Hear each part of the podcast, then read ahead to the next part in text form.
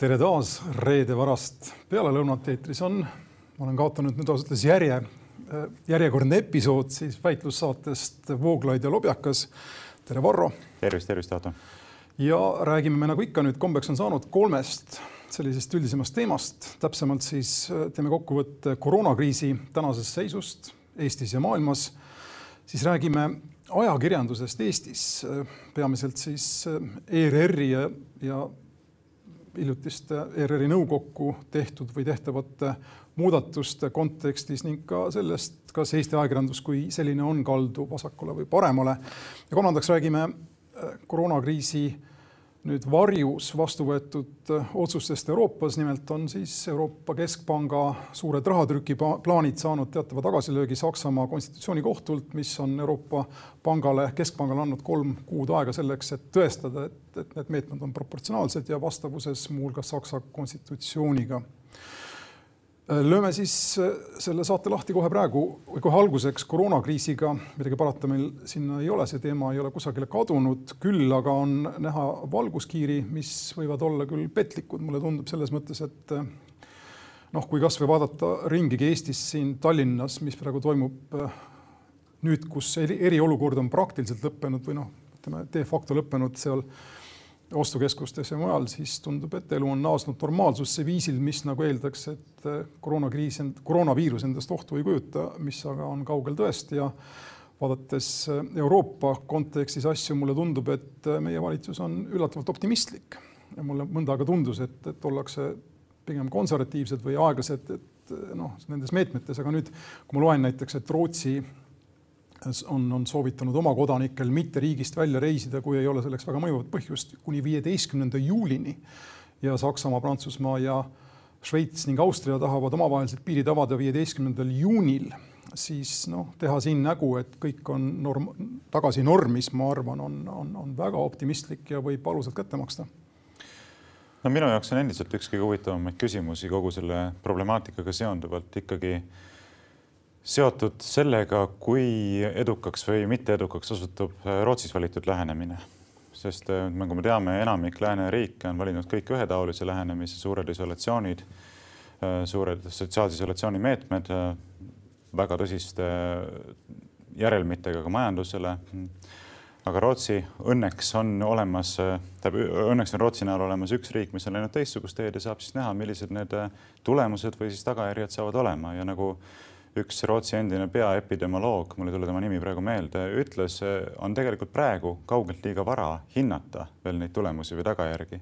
sellepärast, et õige aeg nende tulemuste või tagajärgede hindamiseks saabub umbes aasta pärast, kui on ka järgmine gripihooaeg möödas ja saab näha, et kui suured need teised või kolmandad lained siis kuskil tulevad selle viirusepuhangu mõttes, nii et sa mainisid Rootsit ja sellepärast ma omalt poolt toon selle uuesti esile, et see, see on asi, mille peale mina peamiselt oma silmad pööran selle kriisi haldamiseks kasutusele võetud äh, meetmeid äh, hinnates. aga noh, iseenesest see on ju loogiline, et kui Rootsi on valinud sellise lähenemise, kus nad ei püüagi takistada viiruse levikut nii intensiivselt nagu mujal seda on tehtud, siis nad ütlevad ka oma kodanikele, et ärge võib-olla nii julgelt kohe reisima hakake, sellepärast et äh, see peaks olema ju osa meie sellest teistsugusest lähenemisest, siis me, et me lasemegi oma riigi sees selle levida, aga kui teised on võtnud teistsuguse lähenemise, siis oleks teatud mõttes see nendele käru keeramine, kui meie inimesed hakkaksid nüüd väga kiiresti minema nende ühiskondadesse reisile ja siis omakorda tooma seda viirust sinna uuesti levima. siin on nüüd esimene asi, mis mulle mõttesse või pähe tuli kohe, oli, et see tänane või praegune peaepidemioloog Rootsis, kas ta mitte ei öelnud äh, muuhulgas seda, ta on väga otsese ütlemisega, kas ta mitte ei öelnud seda, et teistes riikides tulevad need surmad ära natukene hiljem, mis Rootsis kohe ja. praegu nagu nähtavalt on kõrgemal kui teistel ja karta on, et tal on õigus. teine ja kolmas laine on ilmselt vältimatud, vaadates ka seda antikehade ja, ja mis ta siis on vaktsiinide äh, arengut või, äh, või, või liikumist sinnapoole, siis tundub, et äh, midagi kindlat siin veel ei ole, aga mis puudutab nüüd Rootsit, et nüüd ei jääks inimestele valet muljet ja minu arvates osaliselt sinagi oled, võib-olla võib sind süüdistada natukene selle vale no., vale mulje tekitamises, ma lugesin siin, see ei ole nagu, ühesõnaga jah, ma tahan lihtsalt natukene tuua võib-olla nagu otse Rootsist infot, ma lugesin siin oma teiste tegemiste taustal Rootsi ajalehti eile ja üleeile ning mis Rootsis toimub, ei ole nüüd noh, totaalne selline uksed valla liberaalne poliitika selle viiruse suhtes, igaüks teeb, mida tahab, vaid seal on teatud valikud tehtud ja siis ühe käega või ühel pool nagu on jah, jäetud avalik ruum drakooniliste meetmeteta, inimesed saavad käia restoranis, saavad käia ringi, nii edasi, aga teistpidi jälle täna, siis ütleme üleeile pressikonverentsil, kui räägiti sellest, mis edasi hakkab juhtuma, siis ühtepidi, nagu ma ütlesin, välisminister ütles, et viieteistkümnenda juulini ei soovitata Rootsi kodanikel riigist lahkuda, mis on päris, ma ütleksin, karm äh, sedastus ning peaminister Äh, muuhulgas ütles seda, et siseriiklikult on soovituslik inimestel mitte ette võtta autosõite, mis on pikemad kui kaks tundi. meie mõistes näiteks Rootsist Tallinnast Tartusse sõita ei tohiks, kui sul pole mõjuvat põhjust ning äh, kindlasti ei tohiks reisida selleks, et kohtuda sõprade-tuttavatega, ei tohi külastada vanu inimesi. Äh, reisides või ringi, riigis, riigis ringi liikudes ei tohi tekitada uusi sotsiaalseid kontakte ehk leida uusi sõpru ja nii edasi, nii edasi. tähendab selles mõttes see hoiakuline baas Rootsi ühiskonnas on palju ettevaatlikum ja teatud mõttes nagu konservatiivsem väikse K-ga.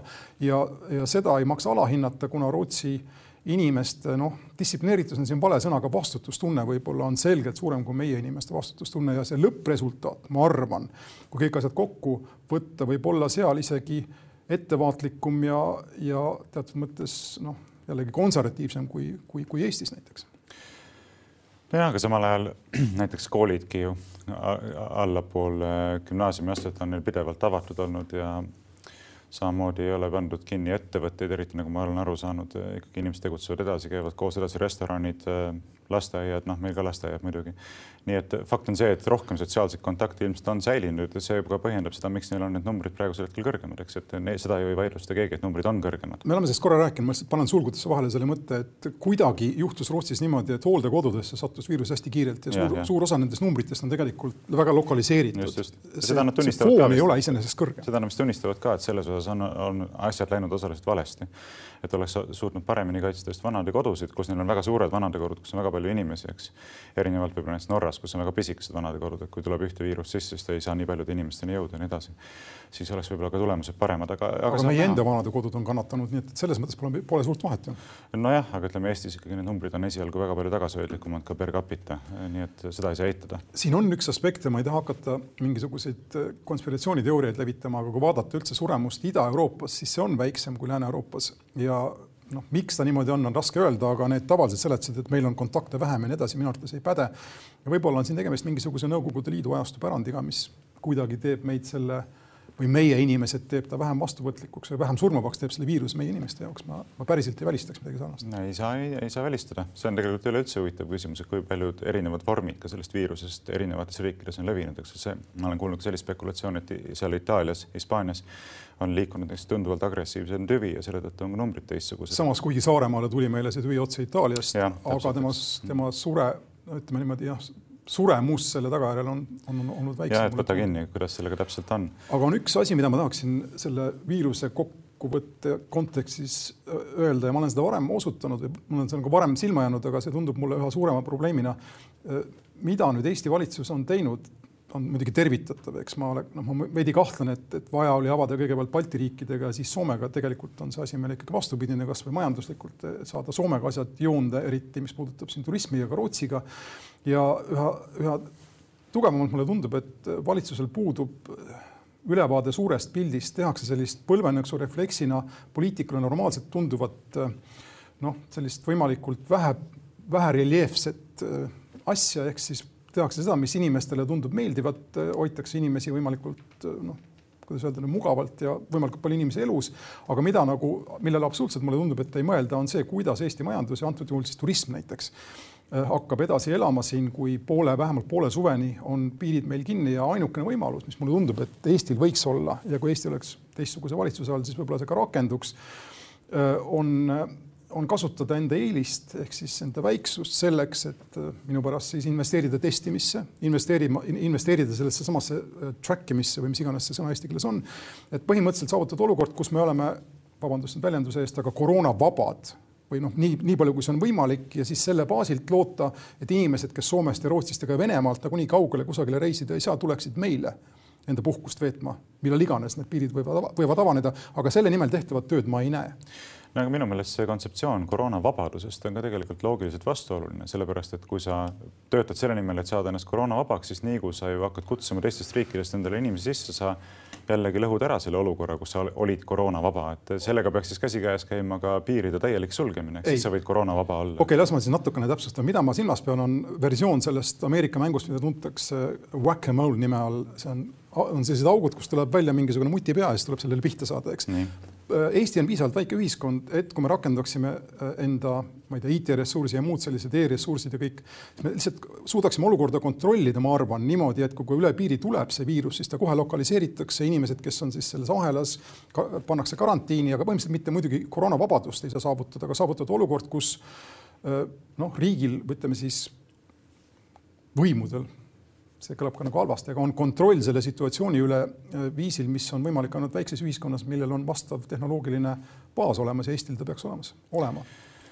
Ma ei oska sellele küsimusele hästi vastata või nagu seisukohta väljendada, see sõltub väga paljudest muutujatest, mida mina ei suuda adekvaatselt hoomata aga ma väga kahtlen selles, et see lähenemine ikkagi pikas perspektiivis töötab, sellepärast et see mäng, mida sa kirjeldasid, on selles mõttes oluliselt teistsugune, kui see pea tõuseb, siis seda pead ka näed, eks. viiruse levikuga on see, et kui ta tuleb kuskilt kaudu sisse, ta levib juba läbi erinevate kontaktide, eks. ja selleks hetkeks, kui sa neid päid nägema hakkad, on ta liikunud juba ei tea kui kaugele ja läheb sealt juba edasi, eks ole no,. et see peade päris... tõusmine on pidevalt ajalises nihkes. jah, aga no ma toon sulle ühe näite näiteks ja see on lihtsalt täiesti nagu anekdotaalne või ma nägin seda kusagil, see on ühesõnaga, see ei kujuta endast iseenesest midagi, aga see on üks, üks viis kuidas mõelda, vähemalt Itaalias või kusagil ma näen, äh, politseinikel on kiivrid, mis seitsme meetri raadiuses tuvastavad inimese kehatemperatuuri. no midagi sarnast, see tehnoloogiline baas ei tohiks olla ju nii käeulatusest välja jääv meile. no mina pean ütlema selle koha peal seda, et ma ei poolda tegelikult sellist lähenemist üldse, et me võiksime panna igale poole tänavanurkade peale soojuskaamerad ja kõik näotuvastused ja asjad ja kõik inimesed peavad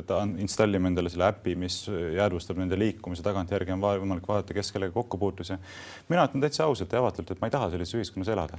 ma pigem tahan elada sellises ühiskonnas, kus mul on võimalik see viirus saada, ma võtan selle riski, et ma jään haigeks, põen selle läbi või suren maha, eks aga ma tahan, ma ei taha, et elu jääb elamata sellepärast, et me nagu hoiame kramplikult kinni mingisugusest tervisest ja elust. ma, ma ei tea, kas sa saad, noh, sa ilmselt saad aru, millele ma osutan, et pikemas perspektiivis me liigume tegelikult sellise ühiskondliku korralduse poole, kus selline turvalisuse kaalutlus hakkab väga jõuliselt maha suruma igasugust vabaduse kaalutlust ja, ja ma olen tegelikult kindel, et sa ise ka ei tahaks sellises ühiskonnas väga elada. ma olen sinuga täiesti nõus inimese ja kodanikuna, aga ma tunnistan seda valitsus need inimesed, kes teevad otsuseid mm -hmm. kogu ühiskonna nimel või ühiskonna jaoks, peavad mõtlema natukene teisel tasandil ja no põhimõtteliselt ma olen sinuga täiesti nõus, aga samas, kui ma ütlen sulle, kas sa tahaksid elada ühiskonnas, kus Töötukassa raha on otsas, ma saan aru, et juba üks kolmandik sellest on sisuliselt nagu äh, tänaste meetmete alla pandud, eks oletame, et nüüd kusagil oktoobrikuuks või mis iganes lõpeb ära see võimekus riigil maksta inimestele seitsekümmend protsenti palgast kinni ja nii edasi ja tuleb talv, mis siis saama hakkab, ühesõnaga, kui me sellele ei mõtle ja seda vastutustunnet keegi endale ei võta ja seda suurt pilti nagu ei näe, siis äh, varem või hiljem elame me ühiskonnas, kus me elada ei taha nii või teisiti ja aga ometi me saame suunata seda, millises ühiskonnas me elama hakkame läbi nende otsuste, mida me kas heaks kiidame või ei kiida heaks või langetame või ei langeta, eks ju, et ja no., ja, ja siin on küll minu meelest see, kus me ei saa kodanikuna ja valitsuse nagu erinevatest printsiipidest lähtuda, ikkagi me peame ühtedest ja samadest printsiipidest lähtuda. ma ei saa öelda, et ma kodanikuna tahaks lähtuda ühtedest, aga valitsuse puhul ma kiidan heaks lähtumise teistest printsiipidest. et isikuvabadus on väga suur hüve ja tegelikult peab selles kriisis teadvustama seda, et pole ühtegi olukorda, kus oleks tõenäolisem isikuvabaduste suure osa ühiskonna poolt loovutamine kui selline olukord, kus ongi mingisugune oht, väline oht ja turvalisuse kaalutlusel ollakse valmis ära andma. no siin me läheme nüüd territooriumile, mis kuulub klassikalisele poliitilisele, poliitilisele filosoofiale ja need on keerulised teemad, aga ma lihtsalt pean osutama, et vabadus mida inimesel ei ole võimalik realiseerida, milleks tal puudub ressurss, et seda ära kasutada, ei ole tegelikult vabadus. ükskõik kui liberaalne, klassikaliselt liberaalne ma, ma inimesena ka olen, ma teadvustan endale seda, et kui no ma ei tea, kui sul ei ole raha mm, -hmm.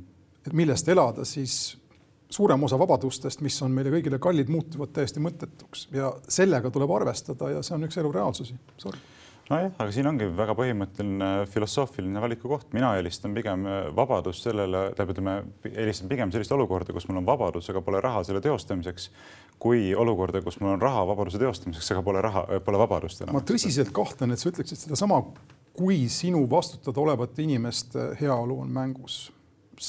See on sama, see on, siin on see Aga paralleel valitsusega. olevat inimeste heaolu ongi mängus, mul on lapsed, mul on abikaasa. sina oledki enda, ütleme niimoodi, teatud mõttes osa enda perekonna valitsusest, eks, ja ma kujutan ette, et ka sina võid sattuda, ma jumal hoidku selle eest, aga et võid sattuda ka situatsiooni, kus sul tuleb teha rasked valikud selle nimel, et inimesed, kes sinust sõltuvad, saaksid elada. loomulikult, aga ma võin kohe siin ausalt ära öelda, et näiteks mina ei luba kindlasti oma lapsi mingisuguse kiirkorras välja töötatud vaktsiiniga sundkorras vaktsineerima hakata.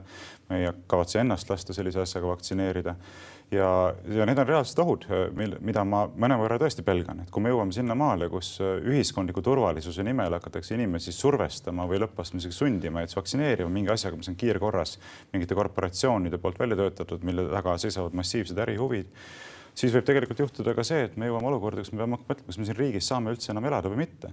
Prantsusmaal on, eks ju, lastel on kohustuslik vaktsineerimine kui sa ei ole nõus seda vaktsineerimist, sa pead põhimõtteliselt riigist emigreeruma, nii et. see meenutab, see on väga keeruline teema, me seda kindlasti ei lahenda siin paari minuti jooksul, aga lihtsalt ma illustreerimaks seda, seda dilemmat, mulle tuleb meelde üks või tuleb pähe üks näide Inglismaalt, Suurbritanniast, kus Margaret Thatcher üle pika aja kehtestas äh, sellise pearaha, mis kunagi keskajal ja nii edasi oli, oli selline maksuliik, mis kellelegi ei meeldinud, aga põhimõtteliselt iga inimene, kes selles riigis elab, peab maksma mingit maksu põhimõtteliselt enda pealt, eks. see nimi oli poll tax ja mm., ja see oli väga eba, ebapopulaarne, osaliselt maksis ilmselt ka Thatcher üle tema koha lõpuks.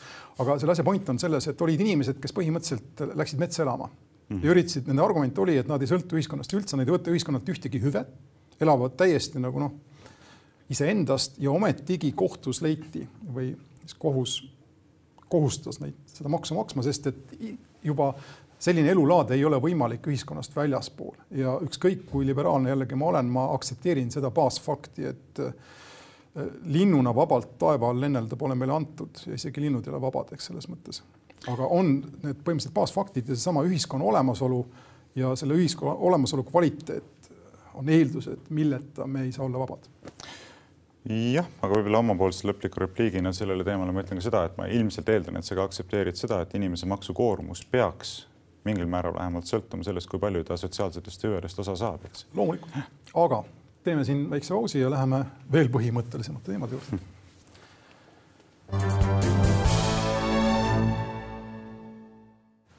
ja need veel põhimõttelisemad teemad seostuvad ajakirjandusega. nüüd juba möödunud saate ajaks oli tegelikult tehtud ära see see valik või välja tulnud see uudis, et Eesti Rahvusringhäälingu nõukogusse pannakse ekspertidena kolm parteide poolt valitud inimest, siis äh, noh, see on omaette teema, mida nad seal tegema hakkavad, kui eksperdid, kui eksperdi nime väärivad nad kõik on, aga sellega haakub selle teemaga nüüd äh, Priit Pulleritsu üles võetud äh, jutt sellest, et Eesti ajakirjandus on vasakule poole kaldu. Ja ma alustuseks tahaksin öelda paar sõna selle kallutatuse kohta kahest nagu vaatepunktist. ühtpidi ERR-i kriitikast ma saan tegelikult aru ja ka ütleme äärmus parempoolsest kriitikast teatud mõttes, selles mõttes, et ERR on olnud ju päris pikka aega inimese juhtida, kes pärines Reformierakonnast ja, ja noh, olukord on olnud siis selline, kus poliitiline äh, teatav lähedus või mingisuguse poliitilise erakonna lähedus ERR-il on olnud fakt ja, ja noh, probleem ongi selles, et nüüd eh, ta on loonud nagu nõudeõiguse järgmistele parteidele, kes on saanud nüüd ülekaalu parlamendis, ehk siis omakorda sedasama lähedust hakata rakendama, aga see viga on selles printsiibis, eks ERR ei tohiks olla ühegi poliitilise jõu lähedane ja ja kui ta seda korra on olnud, siis lahendus ei ole mitte uue jõu pealetoomises, vaid ERR-i eemaldamises poliitika mõju alt, ükskõik mis siis meetmetega, sellest me oleme ka rääkinud, ma võin ka siin natukene rääkida sellest, mida ma ise arvan, aga natukene hiljem võib-olla. igal juhul ERR-il on teatud äh, probleem, aga selle probleemi lahenduseks äh, ei, ei ole jah, siis noh, ma ei tea, püüda teda ravida sellise eksperdiga nagu Peeter Espak, see oleks nagu nohu püüda ravida kooleraga, eks. see on veidi vales suunas. ja teistpidi, mis puudutab Eesti ajakirjanduse vasakpoolsust ja ERR-i vasakpoolsust, siis andke andeks, kui te vaatate kõik inim-, praktiliselt kõiki inimesi, kellel on mingisugune mõju nendes ajakirjanduslikes väljaannetes, mitte ainult ERR-is, vaid ka mujal, siis tegemist on keskealiste meestega, kes ma ütleksin laiemas sellises Euroopa või maailma perspektiivis on tsentris selgelt paremal. Ja see, et nad on paremäärmuslusest vasakul, on omaette probleem või mitte probleem, aga kindlasti e-, ei ole tegemist vasakpoolse hegemooniaga Eesti ajakirjanduses, ma võin ühe käe sõrmedel lugeda üles inimesed, kes tsentris, tsentrist on vasakul meie ajakirjanduses ja, ja nema, nemad ei, ei anna sellele pildile tooni päris kindlasti. No nüüd sa ütlesid päris palju asju, mida ma peaksin kommenteerima, alustame võib-olla sellest, et Peeter Espaki nimetamine kooleraks on minu meelest põhjendat-, põhjendamatu. ma ei näe mitte kuidagi, miks ta. aitäh, et sa kordasid seda, seda metafoori. miks ta peaks olema selliselt käsitletud, tegemist on täiesti mõistliku inimesega, kes on väljendanud vägagi arukaid seisukohti äh, paljudel kordadel, nii et äh, ma ei näe küll, et miks teda peaks sellisel viisil iseloomustama ja mille poolest ta näiteks viletsam ERR-i nõukogu liige on kui siin nii mõningad teised Äh, kes on olnud äh, ERR-i nõukogu liikmed varem või kes on seal ka praegu, kasvõi parteide esindajatena, nii et äh, tõepoolest, et selles osas ma sinuga ei nõustu. samuti ma ei nõustu sellega, justkui oleks siin mingisugused paremäärmuslikud seisukohad, need, mida me sooviksime näha ERR-is või ajakirjanduses teostamas, et Eestis paremäärmuslust põhimõtteliselt ei eksisteeri. nagu me teame, minu teada ei eksisteeri ka tõsiseltvõetavat vasakäärmuslust, mida ma olen korduvalt öelnud, kordan ikka ja uuesti. aga ERR tõepoolest nagu Eesti aja, peavoolu ajakirjandusringkonnad üldiselt on selgelt vasakule kaldu, liberaalselt ja vasakpoolselt kallutatud. Ja selles osas minu meelest ei ole kõige vähematki kahtlust, kui täiesti ausalt äh, sellele küsimusele näkku vaadata ja üks selline asi, mida ma olen korduvalt esile toonud testina, selle väite testina, seisneb selles, et nimeta mulle mõnedki, kasvõi ükski selgelt parempoolsete konservatiivsete vaadetega poliitikateemalise saatejuht ERR-ist ja kelle vaated oleks samavõrd äh, konservatiivsed ja parempoolsed, kui sinu enda vaated on äh, selgelt äh, liberaalsed. ja sina oled olnud aastaid. vasakpoolsed, aga sa ei öelnud vasakpoolsed. no see, see on vaieldav, ma ei taha selle üle praegu vaid, vaidlema hakata, et ilmselt on ka see olulises osas tõsi, aga, aga ma ei taha sinna minna. fakt on see, et sina oled aastaid juhtinud ERR-is poliitikateemalist iganädalast vestlussaadet nimeta üks samavõrd konservatiivsete vaadetega poliitikateemaliste saadete juhti ERR-is, sa ei oska nimetada mitte ühtegi, sel lihtsal põhjusel, et seal ei ole. kas ma võin vastata korraks sellele küsimusele? ma vastaksin natukene seda küsimust vältides, aga kui sa paned, noh, ütleme. vasta parem otse. ma üritan, aga ma arvan, et parem on vastata natukene äh, kaarega, tema, ütleme haagiga. no kui ma oleks sinu positsioonis, ma arvaks samamoodi, sest tegelikult. ei, sa oota ära, mis ma tahan öelda no,, ma arvan, et me jõuame kusagile sellega.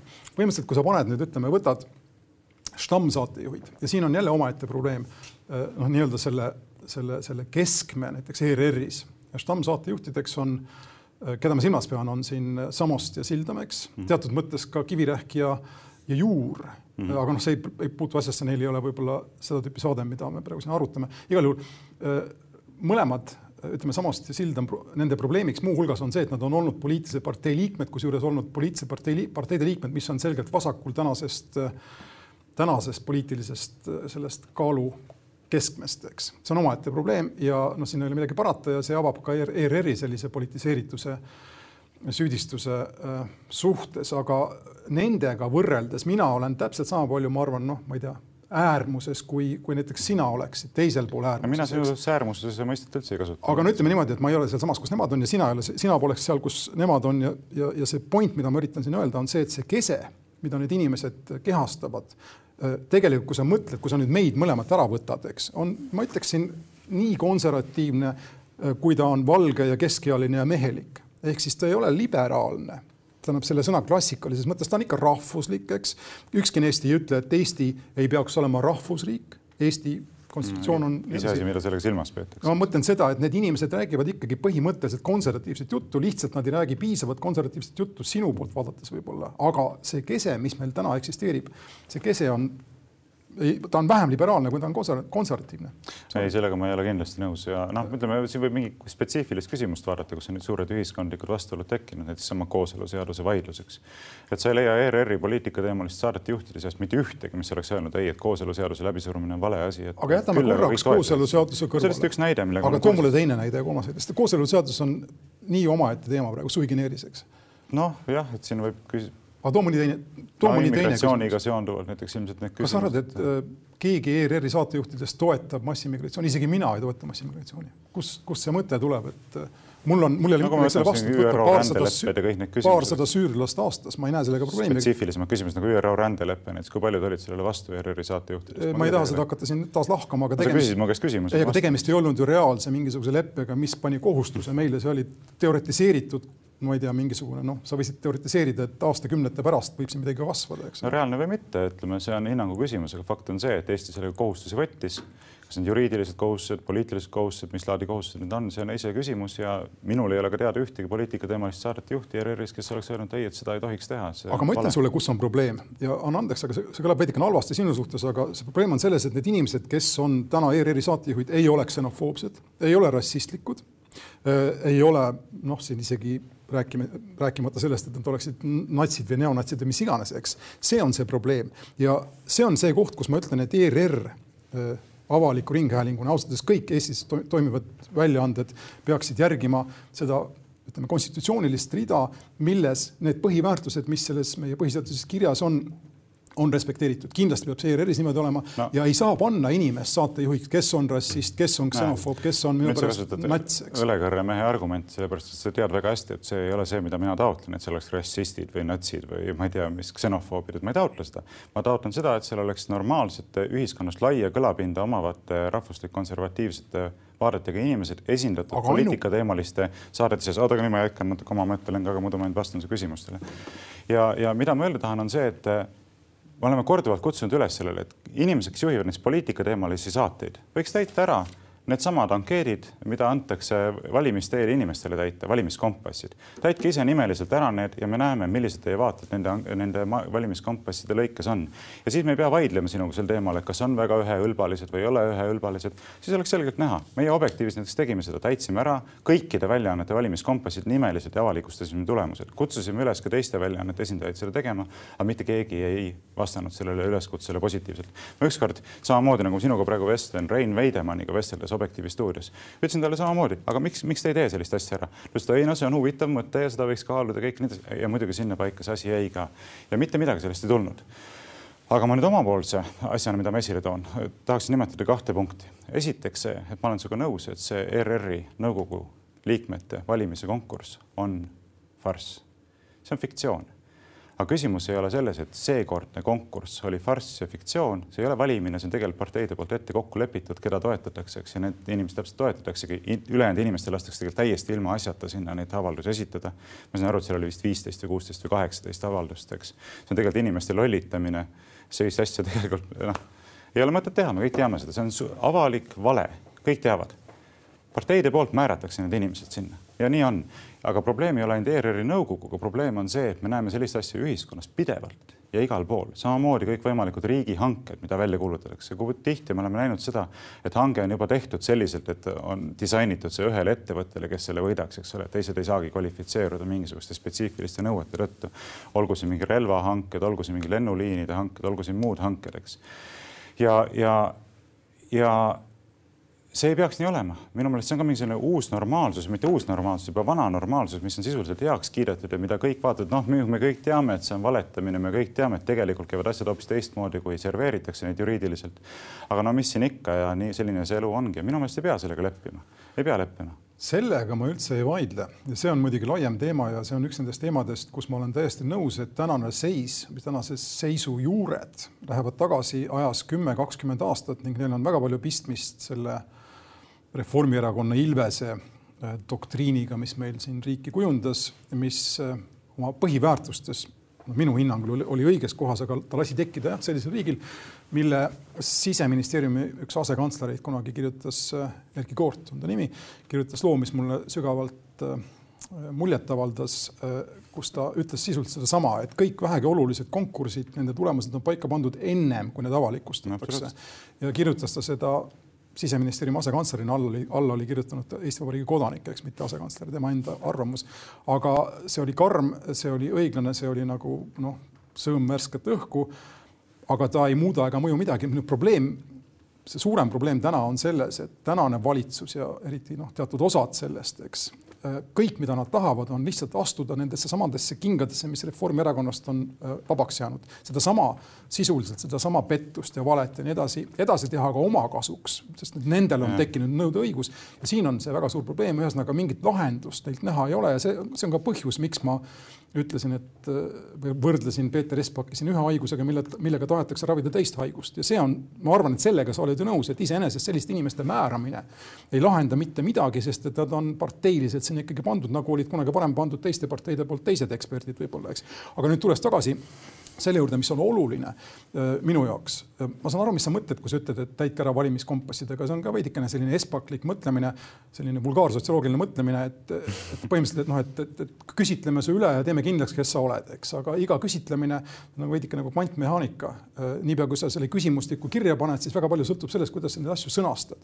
toon sulle ühe väikse näite, ma kunagi töötasin Emoris väga-väga-väga ammu, aga meil oli võimalus teha üks küsimustik kaheks, ehk siis küsida inimestelt, kas nende poliitika poliitika huvi on tõusnud või langenud ja panna ühe, ühel poolel skaala jah ja ei ja teisel ei ja jah. Ja tulemused sõltusid juba sellest kumb tuli ennem, kas ei või jah ja.. see on väga, see on väga peen teadus ja arvata, et on, eita, mingi kompassiga on võimalik inimene nii-öelda ära kaardistada. tuleb järgmine kompass ja kaardistab teistmoodi. no ja, aga need on needsamad kompassid, mis needsamad väljaanded pakuvad ise inimestele oma vaadete kaardistamiseks, et kuidas siis nii on, et teistele inimestele oma vaadete, poliitiliste vaadete kaardistamiseks arvavad need väljaanded, need kompassid olevat sobivat, aga oma inimeste vaadete kaardistamiseks on need täiesti ebasobilikud. oota, aga ma ei jõudnud tegelikult enda pointini. see on juba sinu probleem. on, aga ma lihtsalt tahan selle, muidu me läheme jutuga lihtsalt kusagile mujale, mida ma öelda tahan tegelikult on see, mul ei ole mitte midagi selle vastu, et äh, saateid juhiksid valimiskompasside, igasuguste kompasside erinevatest nurkadest pärit inimesed. see ei ole ju minu point, sina räägid, et peaks olema mingi tasakaal. minu arvates see on nagu asjale valesti vaatamine. mida mina tahan öelda, on see, et saateid peavad juhtima ERR-is töötama inimesed, kelle põhiväärtused on paigas täpselt seal, kus nad on meil meie euroopaliku konstitutsiooniga paika pandud, ehk siis seal ei saa olla inimesed. sotside, sotside väärtused. no see on juba argumentumat parteium, mis iganes, eks see sotside no,. see on, aga, see on, kõlab naljakalt. aga see on, need on need väärtused, et sa ei tohi kedagi diskrimineerida tema rahavärvi, tema soo, tema usu ja millegi muu baasil, eks see on see, mida ma mõtlen. seni, kuni need asjad on nii-öelda tsentris paigas, siis kuidas need inimesed mõtlevad majandusele, mida nad arvavad Marxist, mida nad arvavad minu pärast, ma ei tea, kasvõi siis sellest eh, Alternatiiv für Deutschlandist ei mängi rolli. probleem on selles, et inimesed, kes toetavad või kelle, kellel on positiivne äh, no. alternatiiv für Deutschland, kipuvad ütlema asju nagu, kui on must, näita ust. Ja selliseid asju, mis Eesti noh, avaliku, avalikus ruumis ei tohiks olla lubatud. Ja Rootsis ja Soomes ja Saksamaal ja mujal ei ole lubatud, Ungaris muidugi jälle on näiteks no ja ma võin sama hästi öelda, et ei tohiks olla ERR-i saatejuhtide seas sellised, kes õigustavad näiteks laste tapmist ennem sündi, eks ole, keda on seal terve trobikond, nii et no,, et siis ma ütlen, et küsimus ei ole tegelikult, ma võin karikeerida seda öeldes niimoodi, et sinu tees tähendab põhimõtteliselt seda, et sotsid peaksid saama otsustada, eks ole, kelle väärtused on piisavalt euroopalikud ja õiged, et nad võiksid ERR-i saatejuhtide hulka kuuluda, kelle omad mitte. aga põhimõtteliselt saad sellest asutusest ju aru, et probleem on ka selles, et meie põhiväärtused sageli ongi erinevad ja selle üle vaidlus siin käibki. mitte nii, et ütleme, see avatud ühiskonna ideoloogia on see baaseeldus, millest me lähtume. kui see on paigas, siis sa võid saatejuht olla ja siis sul võivad teistes küsimustes olla teistsugused vaated. ma ei, ma ei nõustu sellega lihtsalt põhimõtteliselt ja see ongi selle asja tuum aga muuseas, ma tahtsin üht asja veel öelda, millega sa ka kindlasti ei nõustu ja mis on tegelikult väga oluline kaalukas seisukoht, on see, et mina ei nõustu selle vaatega, et ERR peaks üleüldse mingisugune sõltumatu väljaanne olema. tegemist on riigimeediaga, mis tegutseb äh, seaduse alusel ja mis on riiklikult rahastatud. see ei saagi põhi, põhimõtteliselt ei saa olla sõltumatu meediaväljaanne, see on riigimeedia. nii et minu meelest see on ka nagu illusioon, et me räägime seda, et aga miks ei tagata ERR-ile äh, sõltumatust. no kuidas sa seda sõltumatust siis tagad, kes määrab need nõukogu liikmed? pigem on minu meelest probleemiks mitte see, et ta ei ole sõltumatu, vaid see, et me lähtume illusioonist, nagu ta võiks olla sõltumatu ja peaks olema sõltumatu, et see on, see on tegelikult võimatu. sellega muidugi, nagu sa ütled, üldse nõus ei ole. tähendab esiteks, kui mõelda nüüd ERR-ist kui mingisugusest Tallinna Televisiooni riigi mastaapides variandist, eks no see on absurdne ja milleks üldse siis selline asi, see on, pigem ma ütleksin, et sel juhul tuleks, tuleks ära kaotada, no hetkel ta veel ei ole selline. Äh, küsimus on selles, et ta on mõjutatav, mis on omaette teema, aga see, et ta mõjutatav ei oleks ja kuidas ta teha sõltumatuks, sellest ma ei tea, ma olen siin ka vist rääkinud igal juhul omavahelistes vestlustes. see on muidugi natukene utoopiline, arvestades, et arvestades meie Eesti olukorda, kus nagu me just nõustusime, eks midagi ei anta parteide poolt niisama lihtsalt käest käest ära. Ja, ja ei lasta midagi olla sõltumatut ega, ega, ega, ega midagi nii-öelda ette otsustamatut. aga noh, eeldades või noh, oletades, et meil oleks siin ideaalmaailm, siis ma kujutan ette, et anna, anda ERR-ile totaalne sõltumatus, panna talle peale nõukogu, mille liikmed valitakse liisuga mingisugusest inimeste grupeeringust, vahetuvad iga paari aasta tagant nagu vanas Roomas, eks. Mm.. Need inimesed oleksid selles mõttes sõltumatud, et vähemalt nad oleksid äh, riigi poolt noh, praktiliselt puudutamatud, eks eelarve tuleks talle garanteerida põhiseadusega mingisuguse protsendina nagu ma ei tea, presidendi palk ja kõik see on tegelikult tehtav. ja reaalne sõltumatus niivõrd-kuivõrd see ühes inimlikus ühiskonnas on võimalik, on täiesti võimalik. ei ole võimalik, absoluutselt ei ole võimalik, sellepärast et äh, alustame siis algusest, tegemist on äh, meediaväljaandega, ainukese meediaväljaandega, mis tegutseb seaduse alusel seadus teatavasti on võetud vastu parlamendi poolt, parlament teatavasti on kontrollitud poliitiliste parteide poolt. iga kell parlament võib tulla kokku, muuta ERR-i seaduse, ERR-i tegevuse aluseks olevat seadust. siin on otsene, vahetu poliitiline kontroll sisse kodeeritud, seda ei ole võimalik, äh, sellest ei ole võimalik lahti saada. samamoodi küsimus eelarvest. kui suur on e e kui suur on ERR-i eelarve, kui suure protsendi see moodustab, ütleme, sisemajanduslikust koguproduktist, millistel tingimustel võib seda suurendada, millistel tingimustel võib seda vähendada, see paratamatult peab jääma poliitilise kontrolli sisuks see otsus. kui see peab jääma? peab jääma, kes kas, otsustab kas, seda siis? sest me räägime maksumaksjate, me räägime maksumaksjate raha kasutamist, kes aga, seda otsustama peab? aga tee mulle nüüd vahe sisse, kas sa räägid paratamatusest kui möödapääsmatust nii-öelda isegi pahest või sellest, et see on nii, et niimoodi on hea, et poliitikud otsustavad? ma, ma näen seda, et see on paratamatus, siin lihtsalt ei ole teist varianti. sellisel juhul teenige ise endale raha oma kommertstegevusega ja sellisel juhul olete väljaspool selles mõttes riigieelarvet, et riigieelarvest ei pea teile mitte midagi eraldama. poliitikud ei pea otsustama selle üle, kui palju teile vahendeid eraldada. ja ma nimetasin kaks aspekti, eks üks oli seadus, teine oli eelarve ja kolmas äh, aspekt, sead-, kolmas aspekt seondub ka seadusega, aga mitte selles aspektis, mida ma eelnevalt kirjeldasin, et parlament saab seadust muuta. see seondub küsimusega sellest, et ERR peab ka seadust järgima ta peab tegutsema kooskõlas ERR-i seadusega, erinevalt kõikidest teistest eh, meediaväljaannetest, mis võivad tegutseda täpselt nii, nagu ta ise tahab. Postimees tahab olla parempoolne väljaanne, ta võib seda olla, ta tahab olla vasakpoolne väljaanne, ta võib seda olla. seadusandjal ei ole selle kohta mitte midagi ütelda, täitevvõimul, kohtuvõimul samamoodi aga kui ERR ei tegutse kooskõlas oma seadusega, siis ta tuleb korrale kutsuda. mida sa täpselt mõtled selle all nüüd? ERR-i seadusega. aga ma mida, ühesõnaga ma saan aru, aga mida sa täpselt mõtled, et ta ei tegutse vastavuses seadusega? no võtame näiteks, ma tõin välja siia igaks juhuks sellega, et ERR-i seadus, paragrahv neli, Rahvusringhäälingu eesmärk äh, rahvusringhäälingu eesmärk on kaasa aidata Eesti Vabariigi põhiseadusega sätestatud Eesti riigi ülesannete täitmisele. selleks loob Rahvusringhääling programme, toodab ja vahendab saateid ning korraldab teisi tegevusi, mis ükshaaval või kogumis ja nüüd toetavad eesti keele ja kultuuri arengut. ta peab seda tegema, see ei ole valik, ta peab tegutsema sellisel viisil, mis on kooskõlas selle eesmärgiga. teiseks, väärtustavad Eesti riigi ja eesti rahvuse kestmise tagatisi ning osutavad asjaoludele, mis võivad ohustada Eesti riigi ja eesti rahvuse püsimist. peab tegema seda. kolmandaks, aitavad kaasa Eesti ühiskonna sotsiaalse sidususe kasvule. neljandaks, aitavad kaasa demokraatliku riigikorralduse edendamisele. viiendaks selgitavad looduskeskkonna säästliku kasutamise ja jätkusuutliku arendamise vajadust. kuuendaks, väärtustavad perekonnal põhinevat ühiskonnamudelit ja nii edasi.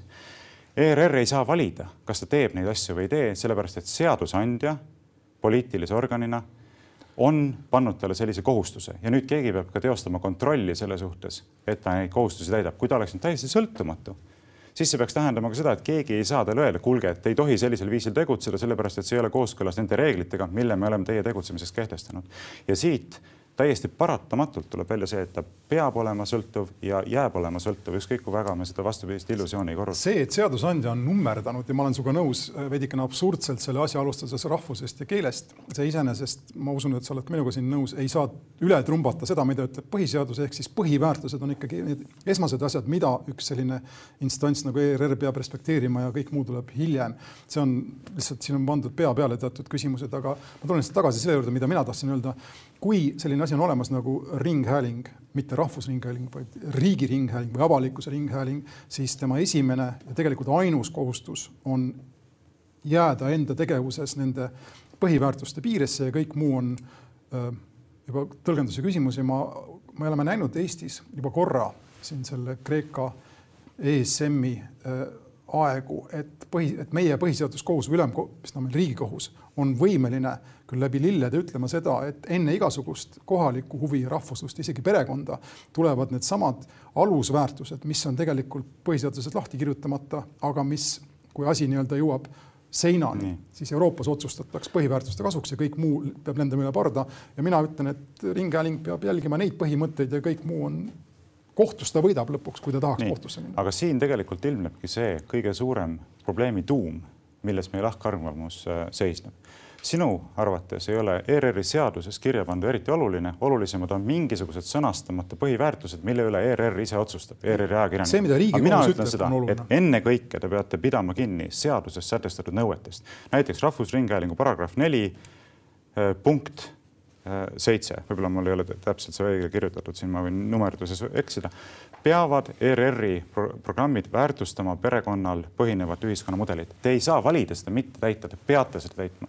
ja kui see sõltumatus, mille eest sa seisad, tähendab seda, et ERR ise otsustab, kas ta peab kinni Rahvusringhäälingu tegevuse aluseks olevast seadusest või mitte, siis ma olen sellele otseselt vastu. sellist sõltumatust mina ERR-i puhul näha ei taha ja heaks ei kiida. no ma näen siin probleemiks selles, eks, et, et inimesed, kes ei kuulu perekonda, nende, nende noh, seda võib tõlgendada niimoodi, et nende suhtes võib siis diskriminatiivselt käituda Rahvusringhääling ja nende huve ja nende väärtusi mitte arvestada. ma arvan, et ka see on midagi, mis kohtus leiaks lahenduse nende väärtuste kasuks, mitte, mitte perekonna kasuks, aga iseenesest mul ei ole midagi selle vastu, et, et, et ERR ei ründa perekonda või noh, ma ei tea, portreteerib perekonda heas valguses, aga mingit kohustust talle noh, panna, panna selles suunas, et ta perekonda hindaks paremaks kui näiteks geiabielu või perekonnata inimeste eksistentsi, see on jälle absurdne, eks see on tuleme, ma tõmban joone alla sellele vähemalt nii palju, nii, nii nagu mina aru saan. ometi on talle see kohustus pandud. ja, aga seadus on alati tõlgendamise küsimus ning kes on viimane tõlgendamise instants, instants Eestis on Riigikohus ning kes on Riigikohtu taga, see on Euroopa Kohus.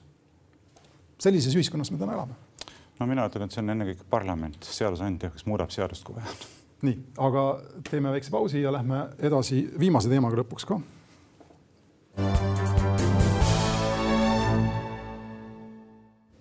Ja viimane teema ongi see Euroopa teema, mis kindlasti on paljudel kuulajatel juba kopsu üle maksa ajanud siin sõltuvalt nende vaadetest, eks igal juhul äh, meil on siin Saksamaa näitel nüüd puust ja punaseks selline põhimõtteline reesuskonflikt äh, ühe riigi, selle riigi põhiseaduskohtu ja Euroopa Liidu ja tema vajaduste ja väärtuste vahel. nimelt on siis tegemist küsimusega, kas Euroopa Keskpank saab või peaks siis kahe triljoni, circa kahe triljoni euro väärtuses äh, juurde trükkima raha, et aidata kriisist noh, raskemini tabatud piirkondadel siis sisuliselt teiste ja paremini äh, toime tulevate piirkondade riikide arvel jagu saada, eks. Saksamaa näeb sellest, on alati näinud sellistes küsimustes katset Äh, nii-öelda mutualiseerida võlg ehk siis teha ühe, ma ei tea, riigivõlg siis ka Saksamaa võlaks, kuigi rikka riigi võlaks. Saksamaa äh, põhiseaduskohus on tihti olnud kriitiline äh, Frankfurdi aadressil ning seekord siis nüüd langetati otsus, et Euroopa Keskpank peab tõestama selle meetme proportsionaalsust, on aega kolm kuud, muidu Saksamaa keeldub, Saks-, Saksamaa siis riigikohus keelab Saksamaal osaleda selles meetmes, mis siis tähendaks seda, et tegelikult sellises meetmes sellest meetmest ei saaks asja saada, kuna Saksamaa on Euroopa kõige suurem majandus. Ja see on huvitav äh, vaidlus ja kindlasti sina näed seda oma äh, perspektiivist, aga ma lihtsalt tahan rõhutada, olles lugenud neid intervjuusid ka kohtunikega Saksamaalt. selle asja mõte on öelda lühidalt, et Saksamaa tänane põhiseadus ei luba kohtu arvates selliseid asju, aga samas kohus usub, et Saksamaa peab liikuma, aitama Euroopa Liidul liikuda suurema integratsiooni suunas. Need kaks asja käivad koos ja sellest tuleb ka Eestis aru saada ja ma ei teagi, palju ma siin nüüd seisukohti jõuan väljendada, et ilmselt meil on saate peaaegu läbi. Aga ma ütlen seda, et iseenesest on tegemist väga tänuväärse otsusega Saksamaa konstitutsioonikohtu poolt, sellepärast et isegi kui me nõustume, et Euroopa peaks liituma suurema integreerituse suunas, millega mina muidugi ei nõustu, paljud teised ka ei nõustu, siis äh, see liikumine peaks olema selge, sirgjooneline ja eksplitsiitne, mitte nii, et mingisugused Euroopa Liidu institutsioonid järjest rohkem Äh, usurpeerivad endale mingisuguseid kompetentse, mida neile tegelikult eksplitsiitselt Euroopa Liidu lepingutega antud ei ole. Ja siin Saksamaa konstitutsioonikohus tõmbas ka piiri vahele, ütles, et sisuliselt on ju tegemist meil kaudse maksustamisega nende Euroopa Keskpanga poolse, selle Euroopa Keskpanga poolse järjest ekspansiivsema võlakirjade väljastamise näol, järjest lõdvema tõlgendamise näol, millistel tingimustel võib neid võlakirju väljastada ja millises mahus, eks. ja Saksamaa konstitutsioonikohus ütleb, et aga sellist pädevust ei ole teile tegelikult antud ja toonitab, et ultimatiivselt otsustab selle üle, millised printsiibid on kõrgemad Saksamaa enda konstitutsioon. see tähendab, see taandub ultimatiivselt Saksamaa enda konstitutsioonile. ja tegelikult minu jaoks kõige olulisemaks küsimuseks on loomulikult siin paralleel Eesti eh, põhiseadusega, Eesti ühiskonnaga ja ma tean, et sul on siin võib-olla teistsugused vaated.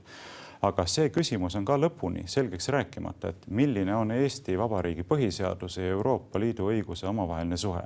Saksamaa konstitutsioonikohus ütles siin, et meie põhiseadus on ultimatiivselt kõrgem, ultimatiivselt lõpuks viimases astmes meie põhiseadus eh, kehtib kõrgema õigusjõuga õigusallikana kui Euroopa Liidu õigus. aga kuidas see Eestis on, sellele me tegelikult ei oska vastata ja siin on minu meelest väga suur probleem, mida võiks kunagi eraldi käsitleda selle põhiseaduse täiendamise seadusega, mis kahe tuhande kolmandal aastal rahvahääletusel heaks kiideti, kahe tuhande neljanda aasta alguses jõustus, mis on tegelikult noh, kuidas nüüd öelda, ma ei taha liiga lennukat väljendit kasutada, aga sellel on tõsine pettuse hõng juures.